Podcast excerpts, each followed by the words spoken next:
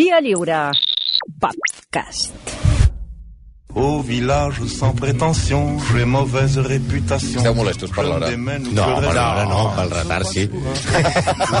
L'hora, l'hora, l'hora és... és, és Han entrat, és, han entrat com dos bulldozers aquí. Bueno, Ah, escolta, acabeu escolta, quan vulgueu, eh? Que tenim molta feina, eh? Ja, ja ho sé, hi ha un clàssic ja ho avui, sé, eh? sí, sí, sí. Hi ha un clàssic.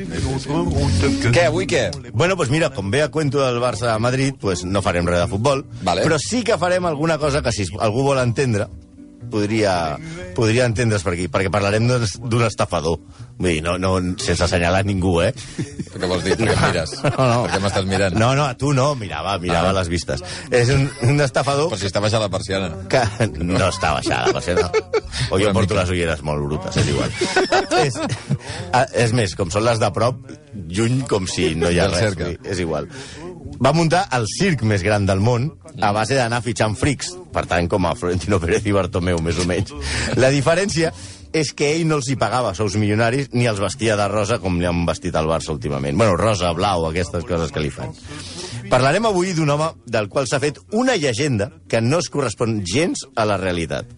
Ha estat protagonista de multitud de pel·lícules i l'última ha estat, sembla que la vau parlar aquí, El gran showman, de Hugh Jackman, uh -huh. vale? que interpretava... Ell es presenta com un... A, a Barnum, que és el nostre home d'avui, se'l presenta com un geni de l'entreteniment, el creador del circ i un gran filàntrop. Pels de l'ESO, un filàntrop és una persona que es caracteritza pel seu amor a la humanitat. No és un pop, un, un filàntrop, allò.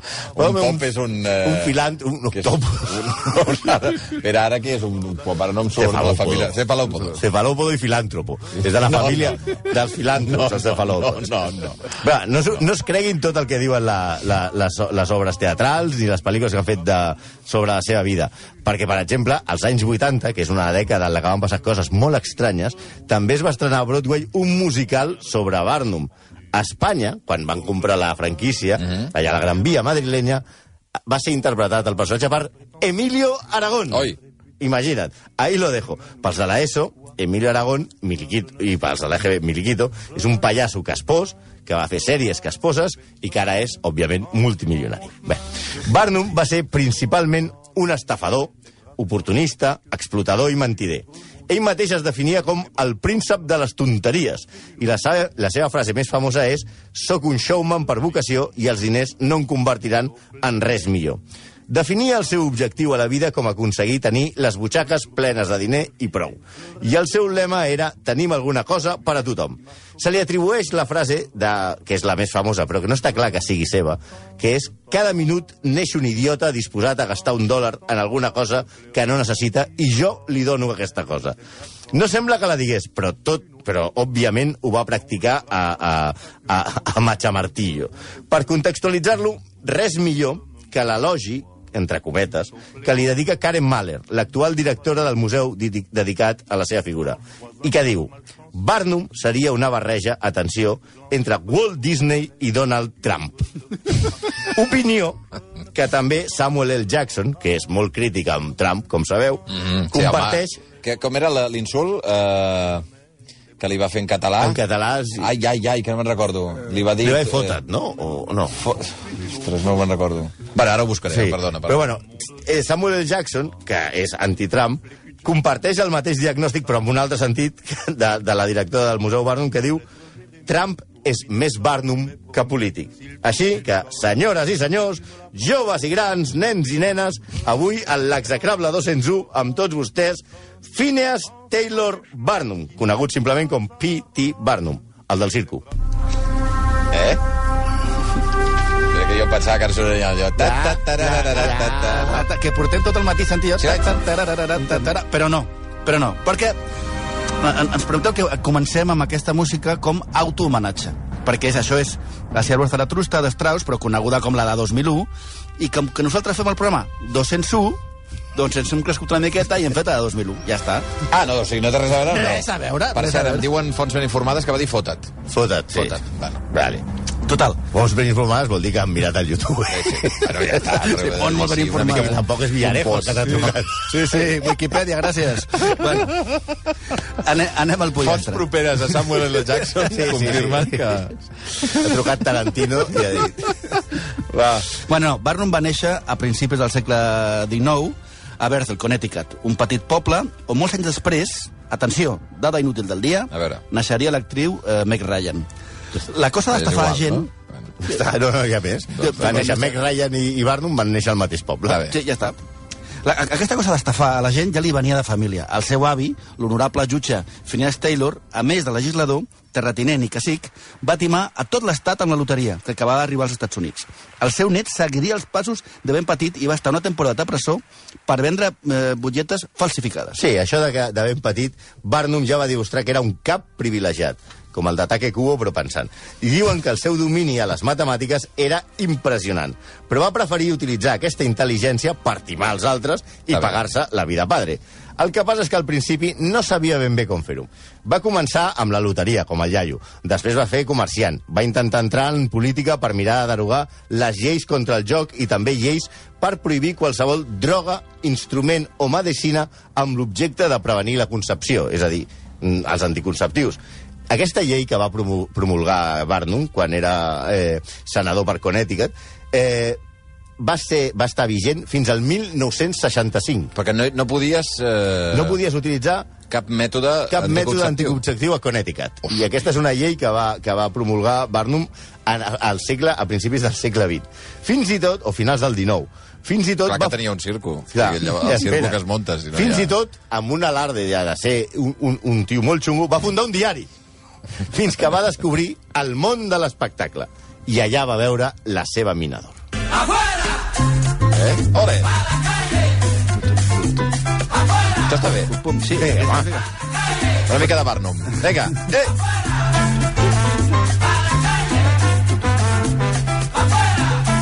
Sospito que no era així el seu circ, però endavant. No, no, no. Però ja veureu per què. No, no, la, la, seva, la seva eh, entrada al món de l'espectacle de l'espectacle va ser per la porta gran, de l'engany, s'entén. Va començar explotant a la tercera o quarta o cinquena edat. Atenció perquè no té desperdici i es defineix molt clarament el tarannà del pollastre. A veure. El 1835, Sí. que tenia 25 anys, Barnum va comprar per 1.000 dòlars a una dona anomenada Joyce Heath. Ah, la va, comp La va comprar, una esclava negra, Una esclava. cega i gairebé paralitzada, que va exhibir pels pobles i ciutats com un animal de fira assegurant Buah. a tothom que era la dona que va cuidar George Washington quan era un nen. Ah, si ho vaig inventar, però... Totalment. Va assegurar que tenia 161 anys i per demostrar-ho li feia cantar a la pobra es esclava himnes religiosos antics. Això és una sordidesa... Clar, I tots pensareu, va fracassar. Home. Tu arribes a un poble i dius, senyors, la, la mainadera de George Washington i et treu 161 una anys. pobra esclava cega de 100, que diu que té 161 anys. Doncs no, senyor, no va fracassar. És més, es va forrar. Per favor. La gent feia cua per anar-la a veure.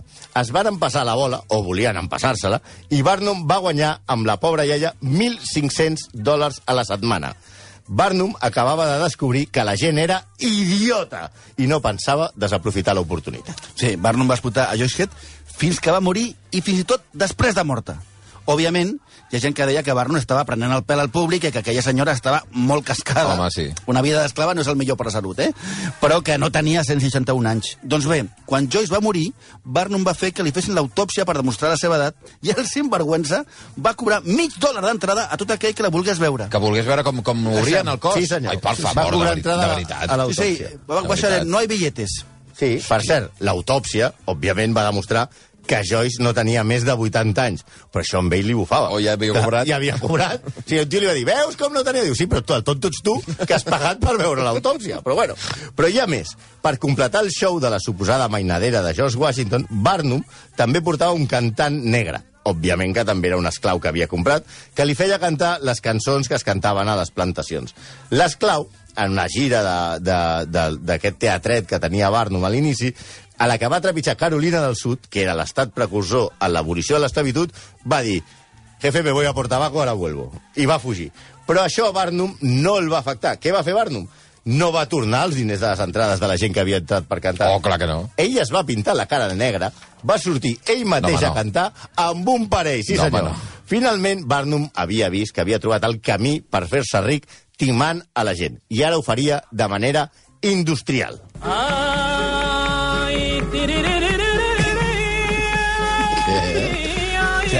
Aquesta fenomenal actuació del Niño del Museo, que ara entendreu a què ve. Sí, perquè no vaig... Eh... Sí, per la- cert, perdó, interrupció, eh? Fonts ben informades em corregeixen. Ara ha trucat un amic de Samuel L. Jackson que no va dir fota't, perquè aquí algú s'ha inventat pel camí. És que et fotin. Que et fotin, Veus? Recordeu que va fer que et fotin. Que et fotin. Bueno, Veus? perdó. Veus? Digues, digues, Bueno, Malcolm. a- amb la pasta que ha guanyat, que, que, que, va- que ha guanyat va comprar el 1841, que ell tenia uns 31 anys, un edifici de 5 plantes a Broadway que albergava un museu. I en va fer un altre. Bé, ell li deia museu, però una accepció una mica ampla del terme, pel que es pot entendre com a museu. Per què? Perquè ell el va anomenar Barnum's American Museum. Sí. Va posar fanals de, gan, de gas davant de l'edifici i el va decorar en grans cartells de colors. De la nit al dia es va convertir en la principal atracció de Nova York. Ara, bueno, ara no, perquè ja ara no es pot viatjar, però si no si fos ara fa uns, fa uns mesos ens haguessin trobat ple de catalans. Sí, seria gay. Et vindria un català d'aquests de, de Nova York i diria N'has anat al Museu Barnum? Oh, no, vam anar al Museu Barnum i era magnífic. M'ha encantat. I Per estaries moment, m'heu explicat la part de fora. Sí. Per explicar el tema, us diré que era més aviat un parc d'atraccions. Ah. Tenia una part de museu, però també era un teatre, sala de conferències, museu de cera, Oi, oi. zoològics, diorames, cosmorames, el primer aquari dels Estats Units, instruments científics, representacions d'escenes de la Bíblia, animals dissecats, però sobretot el que tenia era rareses. I què entenem per rareses? Doncs un circ de pusses, imagina't, ja, ja, mirant i no hi és prou res, Ja hi són.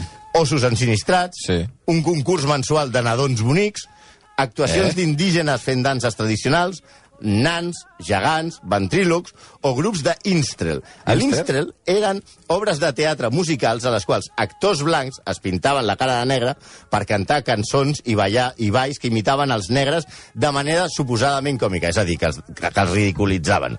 I després, més rareses. Les rareses premium, les que eren les que portaven a la gent en massa. Sí, per exemple, el seu primer, primer gran èxit va ser el d'exhibir l'anomenada Sirena de Fiji, el primer espècimen d'aquest ser mitològic que s'exhibia que no que era, doncs era el cos d'un mico dissecat, cosit a la cua d'un peix, i això no... Sí, sí, No, home, no. Ai, això, ai, ai. Però això no va evitar les cues. Oh. Sempre hi ha un idiota al que li sobra un dòlar per gastar.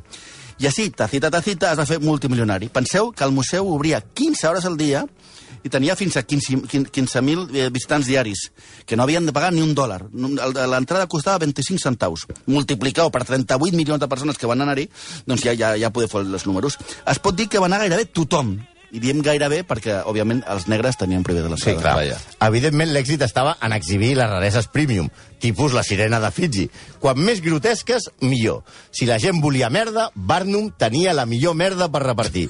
La seva vida es va dedicar a buscar, es la va dedicar a buscar la gent més estranya per tot el planeta, i si no la trobava, se la inventava amb un parell. Ara us farem l'alineació dels seus principals artistes. L'1 per 1 de RAC1. Però i ara he de fer l'1 per 1 dels, dels això, Ara eh? tu comences Vinga. a... Farem un- uns cinc artistes només, perquè tots serien massa. Número 1, amb Phineas Gage, l'home elefant. Sí, no confondre en Joseph Merrick, que és el, va ser la pel·lícula de David Lynch de l'any Sí. 80. Aquest era un encarregat d'una quadrilla d'obrers de demolició que treballava volant muntanyes per una línia de ferrocarril. El cas és que un dia va tenir un accident i una barra de ferro de 108 centímetres de llarg, 3 de diàmetre i 6 quilos de pes va sortir disparada a gran velocitat des de 25 metres i li va travessar el cap. Hosti, 108 met centímetres? Li van, Hosti, un li van de- taula. li va entrar pel pòmul esquerre i li va emergir per la part alta del crani abans de caure a terra, Ai, ai, tota ai. pringada de sang i teixit cerebral. I no li va passar res a primera vista. És més, va anar a curar-se a la nit i va anar a veure amb els amics. Però li va canviar el caràcter i va ser una persona irritable, capriciosa i violenta. Insultava els companys, tot per la frustració de no posar-se a posar barrets. Va ser acomiadat de l'empresa i va acabar al Museu Barnum, on es presentava com l'home elefant apareix en la barra incrustada al cap. Ai. Amb el número 2, Zip o Shiltsi Surtis, cap d'agulla. Sí, també conegut com l'últim dels asteques, perquè a Barnum li sonava misteriós, perquè no tenia res, res de mexicà. Probablement es deia Simon Metz i va néixer amb microcefàlia, una incapacitat que el va deixar amb un crani inusualment petit, fent que el seu cervell no es desenvolupés. Media només 1,22 metres i tenia la mentalitat d'un nen de 3 anys. Era incapaç de cuidar-se per si mateix, tenia incontinència i anava amb bolquers, i només pronunciava monosíl·labs. Era exhibit com un animal i la gent que s'atrevia li podia donar la mà per accedir al museu. Segurament va ser abandonat de petit pels seus pares i Barnum es va convertir de facto en el seu tutor legal. Això vol dir que l'explotava i no li pagava res. Va estar tota la seva vida exhibit com una raresa. Fins i tot va fer la pel·lícula Freaks de Todd Browning ah. el 1932. El número 3, Waino i Plutanor, els homes salvatges de Borneo. Ni eren salvatges, ni eren, oh, sorpresa, de Vaya, Borneo. vaya. eren dos nans Vaya. que es deien Hiram i Barney Davis. Discapacitats mentals, medien un metre i passaven 20 quilos. Barnum va inventar que havien estat capturats per un mariners després d'un terrible enfrontament en la seva tribu. El Museu Barnum els obligava a lluitar contra qui els desafiés del públic. Amb el número 4, Fedor Getichiu. Get, Getichiu. Fedor Getichiu. El nen amb que sou uns malparits, eh? Sí. El nen amb cara de gos. En veritat, es deia Fyodor Adrianovich Yestichev. I era, òbviament, rus, heu Sí, home. Patia la rara anomalia denominada hipertricosi, que, que produeix excés de pèl per tot el cos. Una mica com Malcolm, si el veiéssiu despullat. Però molt més. Fins i tot a la cara. Tenia tota la cara plena de, Mm. plena de, plena de pèl. Tots aquests personatges els podeu buscar a YouTube i estan les fotos. Eh? Sí, eh? Sí. Barnum el va descobrir amb un viatge a Europa i el va enrolar de seguida al seu espectacle. El presentava com un salvatge civilitzat, el, el senyor aquest parlava rus, alemany, anglès, i era un gran lector, i per donar més pompa a la cosa, deia que el seu tutor era ni més ni menys que el tsar Nicolau II. Tot era mentida, òbviament. Però l'espectacle el presentava aquest senyor tancat amb una gàbia, el Ai. feia bordar Ai, ai. o rossegant ossos que la gent li tirava i també sortia espantant el públic pel museu. Quin horror. I per acabar, amb el número 5, el príncep Randian, l'oruga humana. No es coneix el seu nom real. El que se sap és que va néixer amb el síndrome de la tetramèlia autosònica recessiva, una rara malaltia congènica congènita que es caracteritza per malformacions múltiples destacant l'absència d'extremitats, un rotllo una mica petra. Tot i que també era un home molt cultivat, i pensareu com llegia, ja veureu, era hindú i parlava hindi, anglès, francès i alemany. Barnum, que el, que, que el va captar quan tenia 18 anys, el feia vestir d'oruga. Ell feia números com liar cigarretes, o ja sé que podia llegir, fumar, afaitar-se, pintar o escriure mentre reptava per l'escenari. Va actuar durant 45 anys per Barnum. És molt fort, eh? És molt fort. I podríem seguir amb molts més, com el general Tom Thumb, que era un nan que cantava, les diverses dones barbudes, la més famosa de totes va ser Annie Jones, Frank Lentini, l'home de tres cames, no penseu guarrada, Ai. realment tenia Ah, tres val. cames, Isaac Sprague, l'esquelet vivent, o altra gent amb seriosos problemes mèdics que ell va exhibir com animals a atraccions de fira. L'etapa del Museu Barnum va acabar abruptament amb un incendi el 1865 que el va destruir per complet. Durant l'incendi, dues belugues exhibides a l'aquari van morir bullides a l'aigua dels seus tancs i es va fer molt famós el bomber Johnny Dingham, que va matar a trets un tigre moribund que va saltar per la finestra, fugint del foc, òbviament, i va salvar de les flames a la dona grassa, que passava 180 quilos, a la que va treure a coll i bé de l'incendi. No. Vinga. És la, la sordidesa més absoluta al, al Barnum, eh? Sí, sí. De veritat, eh? Sí, sí, no us creieu en les pel·lícules. Uf, que no són res al costat del que Res. va fer. Però no, falta, encara falta, Encara eh? falta, perquè va Ah, ser no la s'ha acabat, encara? No, no, no, no, va ser aleshores quan A una Barnum... y más. A una... No se vayan todavía, a Más una y más. difícil todavía. Va ser aleshores quan Barnum va muntar el circ ambulant, un circ descomunal, amb tres pistes, més o menys com el Barça, amb una carpa que tenia 5.000 seients i que viatjava en un tren de 80 vagons. El va anomenar l'espectacle més gran sobre la Terra i el va ampliar quan es va associar amb el seu rival, James Anthony Bailey, fundant Barnum and Bailey Circus, que molts anys després comprarien els germans Ringling. Aquí també la valia, eh? La seva explotació de màrqueting era brutal i Barnum s'assegurava que els artistes, només arribar a la ciutat on havien d'actuar, fessin una desfilada per la principal avinguda de la ciutat, visitessin escoles, hospitals, parcs, mitjans de comunicació, però la gran estrella d'aquell circ ja no eren els frics que tenia, era Jumbo.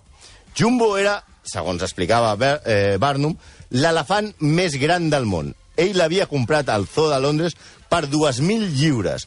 I va haver-hi un gran drama a Londres perquè quan se va endur Barnum, fins i tot el poble, la ciutat de Londres, els ciutadans van fer una col·lecta per intentar recomprar-li l'elefant a, a Barnum.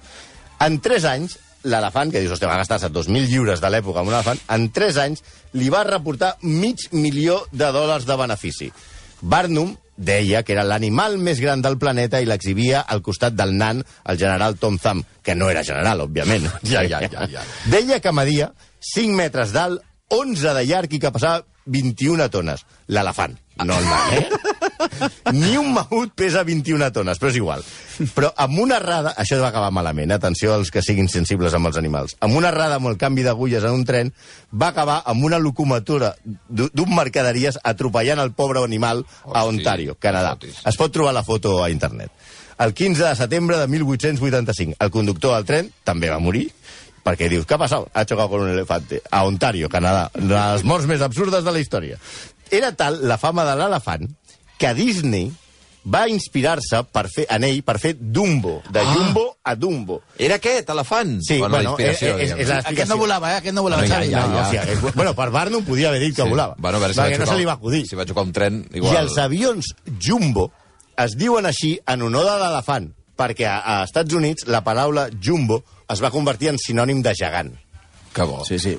Barnum finalment va morir el 1890 d'un vessament mentre exercia de mestre de cerimònies del seu circ.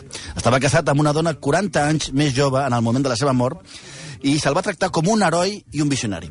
Per la seva posteritat queda també un fenomen psicològic al que li van posar el seu nom. L'efecte Barnum, també anomenat eh, efecte Forer, s'utilitza molt en màrqueting i es basa en un en resum que la clientela potencial accepti generalitats com si haguessin estat dissenyades específicament per ells. O en altres paraules, que sempre hi ha un idiota disposat a gastar-se un dòlar amb una cosa absurda que sap que és mentida i que no necessita. I sempre hi ha Barnums disposats a agafar-li el dòlar que els hi sobra. Ai, Déu meu. Uh, Déu-n'hi-do, quin personatge. Malcom Otero, Santi Jiménez, execrables, moltes gràcies. A vosaltres. Bueno, escolta'm, Santi, després parlem, eh? Que hem de De- parlar sí, del Barça després Madrid. parlem. I molt bona nit, eh? Bona nit, sí. Bien entendu,